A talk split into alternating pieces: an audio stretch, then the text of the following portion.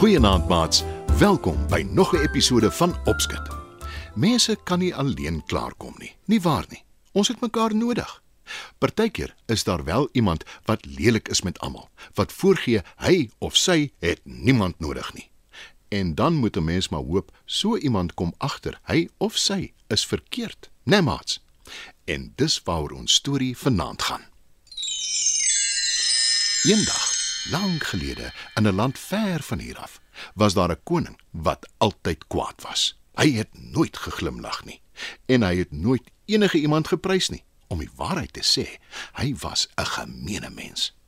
Al die inwoners in sy koninkryk het hom so ver as moontlik vermy, want hy het maklik sy meer verloor en dan sommer mense in 'n diep donker put onder sy kasteel laat gooi vir so lank as wat hy wou en dit was 'n nare plek om vasgekeer te wees. Mense het vermy om verby die kasteel te loop. Om die waarheid te sê, hulle het vermy om ooit naby die kasteel te kom, met die gevolg dat die koning selde of ooit enige van die inwoners van sy koninkryk gesien het.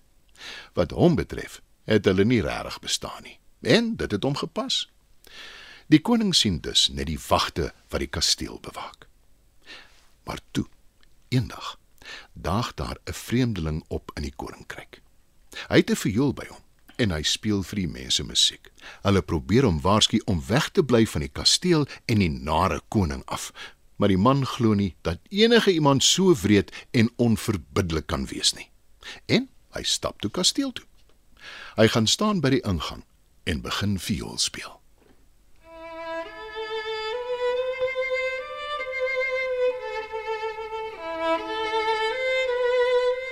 Toe die koning dit hoor, vererg hy hom bloediglik. Hy loop na sy venster toe, kyk uit en sien die man wat viool speel. "Wagte! Smyt die vent in die put!" roep die koning kwaai. Die wagte, huiwer 'n oomblik. Hulle geniet die musiek en hulle is duidelik nie gretig om die koning se bevel uit te voer nie, maar hulle het ongelukkig nie 'n keuse nie, want daar is selfs erger strawwe vir mense wat die koning se bevele verontagsaam. Hulle gryp dus die man en sleep hom na die put toe. En bring sy viool hier, ek wil dit stuk aanslaan, bulder die koning. Hy wag vir die wagte om die viool te bring. Na 'n ruk daag een van hulle op. Hy kyk bang na die koning en sê: "Jammer koning, uh, maar ons kon nie die viool kry nie." "En hoekom nogal nie?" wil die koning weet. Die wag antwoord in 'n bewerige stem: "Dis dis weg." Die koning word baie kwaad en skree. Moenie nonsens praat nie. Ek het die ding self gesien met my eie oë. Die wag probeer verder verduidelik, maar die koning onderbreek hom. Trap tog net voordat ek jou saam met hom in die put laat gooi. Die wag draf so vinnig as wat sy bene hom kan dra weg. Die aand gaan slaap die koning soos gewoonlik vroeg. En toe, in die vroeë oggendure, word hy wakker.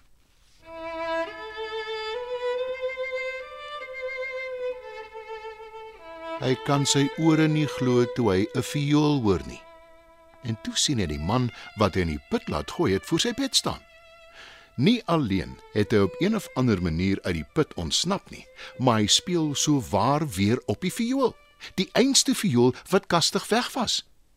Die koning spring op en storm op die man af. Hy probeer die viool uit sy hand gryp, maar dit skielik net weg. Hy steek vas en staar verbaas na die vreemde man. Toe probeer die koning die man aan die nek gryp en hom wurg, maar die man gee eers 'n tree die kant toe en toe daai kant toe en hy bly die koning ontglip. "Wie en wat is jy?" wil die koning weet. Die man antwoord: "Dis jou gelukkige dag.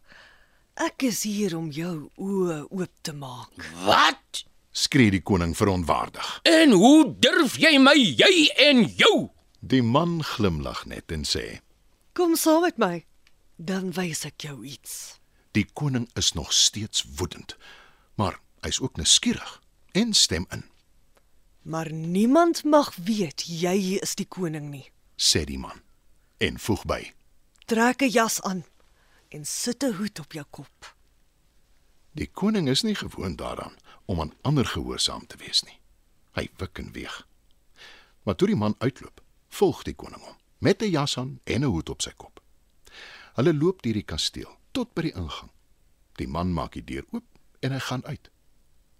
Die koning is verbaas dat daar geen wagte voor die kasteel is nie. Hy wil wil iets daaraan doen, maar die vreemde man loop op 'n drafstap en die koning wil byhou om te sien wat gebeur.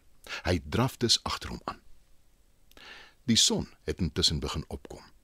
En tot sy verbasing sien die koning hoe die inwoners van sy koninkryk vrolik rondbeweeg. Daar's 'n bakkery wat vars brood en ander gebak verkoop. Daar is stalletjies wat ander lekkernye verkoop. Die reuk van geurende kos hang in die lug. Almal groet mekaar en deel hulle kos met mekaar. Omdat hulle nie weet hy's die koning nie, bied hulle vir hom ook van die kos aan. Hulle gee ook vir die man met die viool van hulle kos.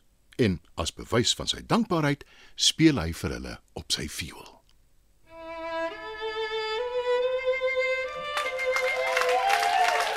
Hulle klap vir hom hande en hy maak 'n buiging. Die koning hou alles dop. Toe draai hy om en stap woordeloos terug na sy paleis toe. Daar aangekom, sien hy sy wagte terug voor die paleis se deur. Hulle lyk bang om hom te sien, want hy het intussen sy hoed afgehaal, maar hy sê niks nie. Hy stap net in die paleis in. Hy gaan sit op 'n trap en dink na. Na 'n hele ruk verskyn die man met die viool. Hy kyk vraend na die koning. Wat 'n soort viool is dit wat die hele tyd verdwyn en weer verskyn? Vra die koning. En wie is jy? Voeg hy by. Kulkunstenaar, musikant, liefhebber van mense. Antwoord die man. En ek wil glo jou oë het oopgegaan. Voeg hy by met 'n glimlag. Die koning huiwer 'n oomblik.